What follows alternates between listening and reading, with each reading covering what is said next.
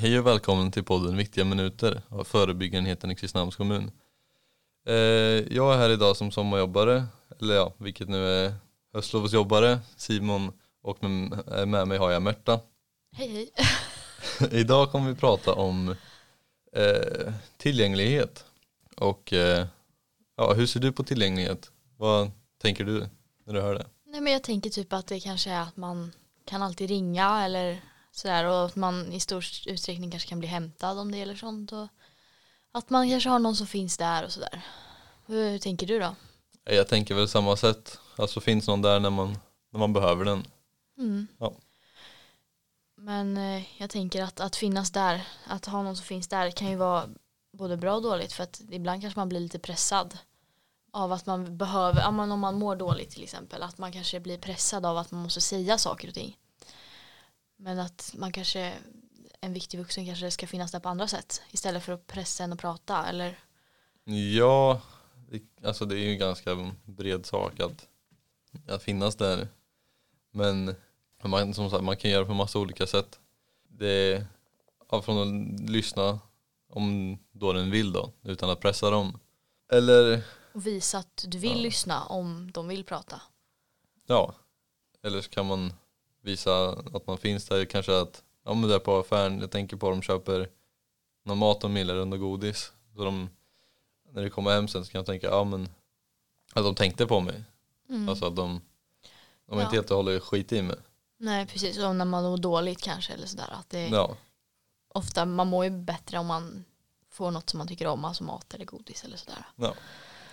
Sen kan man ju även kramas, men det är också så här det måste ju vara på bådas villkor att det går bra. Ja, men alltså bara- det är ju, kramar kan ju läka väldigt mycket. Inte springa då, ta och bara precis. krama ihjäl dem. När det Men- passar. Ja precis, och alla är med på det. Så är det väl jättebra med kramar för att det gör väl att man mår mycket bättre. I alla fall jag gör det. Ja, men samma här. Men sen också om någon mår dåligt liksom, eller sådär, om barnet eller ungdomen mår dåligt, att man kanske kan plocka bort måsten. Eh, för att det kan vara jobbigt att känna att ja, men, om man mår dåligt att man är ledsen eller sådär, att man måste, ja, man måste plocka ur diskmaskinen eller måste eh, duka eller liksom gå ut med skräp eller liksom sådär, utan mer så här bara, alltså det är ju kanske inte Men Det blir väldigt påfrestande. Mm, precis. Men det kanske inte är en rimlig lösning i, i det långa loppet. Men alltså, om man mår dåligt under några dagar kanske man kan göra så tänker jag. Ja. Eller i alla fall att byta ut måsten mot kan eller vill. Mm, precis, det kan man också Att, ja, göra. här, kan du vara jättesnäll och plocka ur diskmaskinen? Mm, Istället för ja, men du, du måste plocka ur diskmaskinen. mm. Liksom, ja. Ja, precis. Vad kan man göra mer då? Ja, man kan väl fråga om man vill hitta på någonting. Alltså så här, planera någon rolig aktivitet ihop och göra det. Ehm, det kanske men alltså det måste ju vara så här så att den vill det. För att när man mår dåligt så kanske man inte vill göra någonting. Utan då kanske man bara vill ligga hemma. Och sen eller typ att man hänger på där de ska göra. Alltså typ ja men om de ska kolla på film och mår lite sämre. Kanske vara med och kolla på filmen. Eller sådär. Ja, men att liksom försöka på ett lugnt och snällt sätt för med dem. Inte liksom att, ja ah, men du vi ska iväg hit, följ med nu, kom igen, kom igen. Mm, precis. Ja, mer att så här, ja, men, om du vill lita på vad som så kan du liksom komma till mig så kan vi göra det. Ja. Men eh, då är ju det liksom den stora frågan hur tillgänglig är man som viktig vuxen då? Det är ju en fråga man kan fundera på runt omkring. För det är ju väldigt olika från person till person. Och vad, vad, hur, hur är den viktiga vuxen tillgänglig liksom? Ja, alltså Eller hur är du som viktig vuxen tillgänglig? då tänker vi till viktiga vuxna då, men Ja, precis det var Ja. det jag menade. kan, ja, kan ungdomen eller barnet eller vem som, som du är viktig till eh, ringa dig när som. Och så. Ja, alltså kanske inte liksom medan du sitter uppe i ett möte eller på jobbet men vi, skulle, vi tänker då väl kanske på fritiden, kan, skulle de kunna ringa dig och du kan, du kanske inte kollar tv, kan du ja, släppa att kolla- kolla på tvn och ja, pra, prata och ge uppmärksamhet till, till den personen. Mm. Ja och sen tänkte vi också så här, um, kan ni prata om vad som helst utan att det blir liksom en konflikt eller sådär och att du känner att du inte blir uppstressad över vad de säger utan mer bara att eh, du tar in det och försöker hjälpa till att lösa saker. Och att du respekterar Mm. det de säger och liksom opartisk. Ja du be- behöver ju liksom inte acceptera det de säger men Nej. du behöver ju respektera det de säger i alla Då fall. kan man ju ja, respektera. Ja. Mm. Och kanske liksom inte avbryta mitt i utan liksom tänka att eh, ja men att hon, personen får ha sin berättelse utan att du ska bara, eller alltså den ska bara Mm. ja men va? va? Nej men hon fick väl inte göra sådär. Nej. Liksom, utan bara lyssna på historien och eh, sådär. Nej men det är sant. Mm. Vad har vi mer då?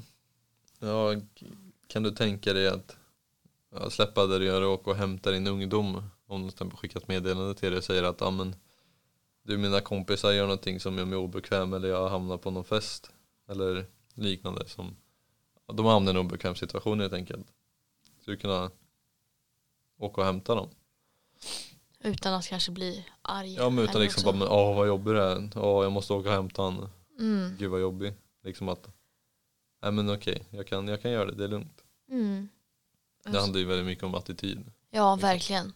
Eh, och sen tänkte vi också så här, uh, är du beredd att släppa det du håller på med för ditt barn? Och i vilken utsträckning i sånt fall? Alltså så här, uh, det är ju något som man kan tänka på själv. Så att man, ja men alltså hur, hur mycket är jag beredd att liksom släppa för mitt barn? Mm. Och vilken utsträckning liksom och sådär. Kan man bara släppa sitt det man har och åka och hämta eller göra vad som helst liksom? Ja, är ute med kompisar och ditt barn bara men du snälla jag, jag måste härifrån kan du komma och hämta mig? Så bara ja, då handlar det om ett beslut att ta. Ja, eller om man behöver prata och du kanske står med disken. Att du Mm. kanske kan släppa disken och prata med ditt barn.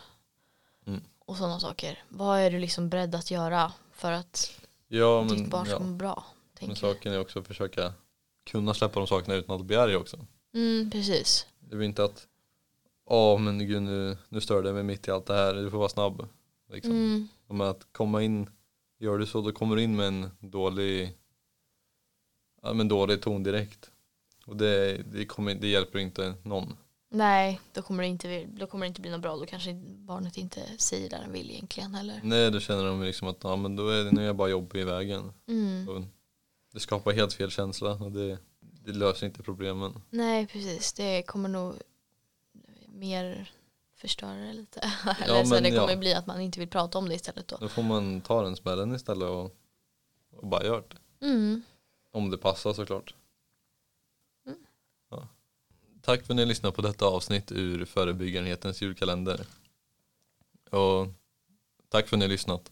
Hej då!